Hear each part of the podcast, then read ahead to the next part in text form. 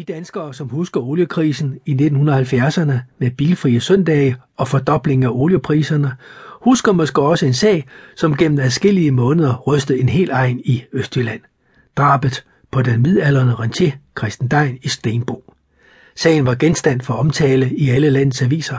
Der blev skrevet et utal af rapporter, og mange mennesker blev afhørt. Drabet blev aldrig opklaret. Mordet gav anledning til mytedannelser. Der blev talt om rovmor, om store kontante beløb, om sorte penge fra krigens tid og om en hævnaktion fra besættelsestiden.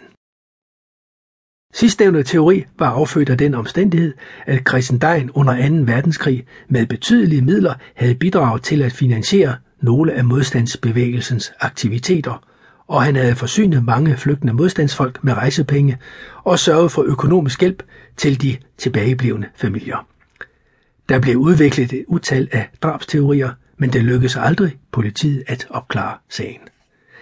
Den myrdede havde boet i Stenbo, en mindre by i Østjylland, som ingen, hverken før eller siden, har interesseret sig særlig meget for.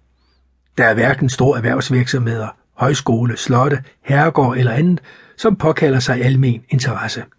Til gengæld er der en ualmindelig smuk natur, men den slags er der jo så meget af i Danmark.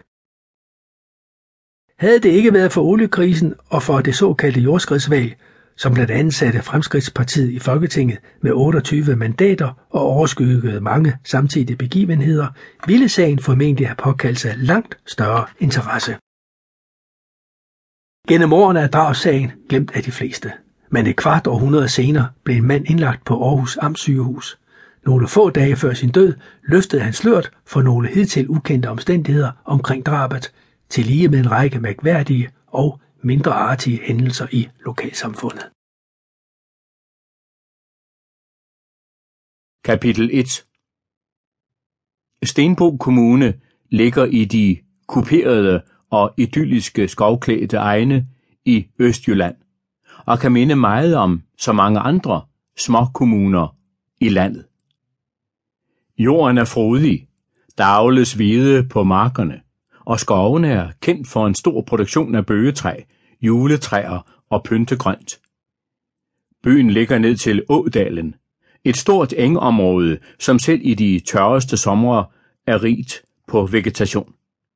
Åen er blevet stemmet op, vist nok allerede i 1500-tallet, og vandløbet har, lige så længe nogen kan huske det, drevet en mølle, som har været i drift indtil midten af 1950'erne.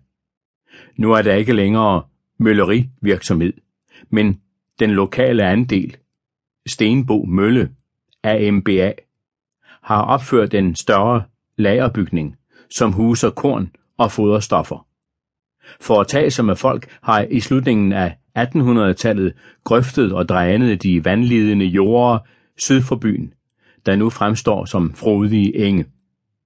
Hvert år er der et betydeligt høslet, og der er græsning for mange kreaturer, som giver både mælk og kød.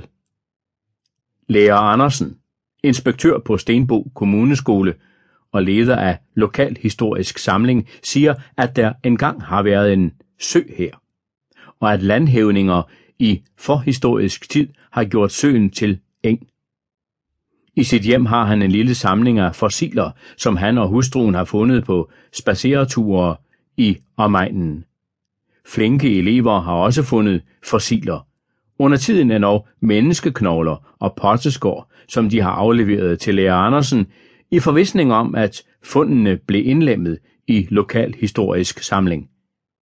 I midlertid har flere af tingene fundet plads i lærer Andersens private samling, som har til huse i skoleinspektørens kælder.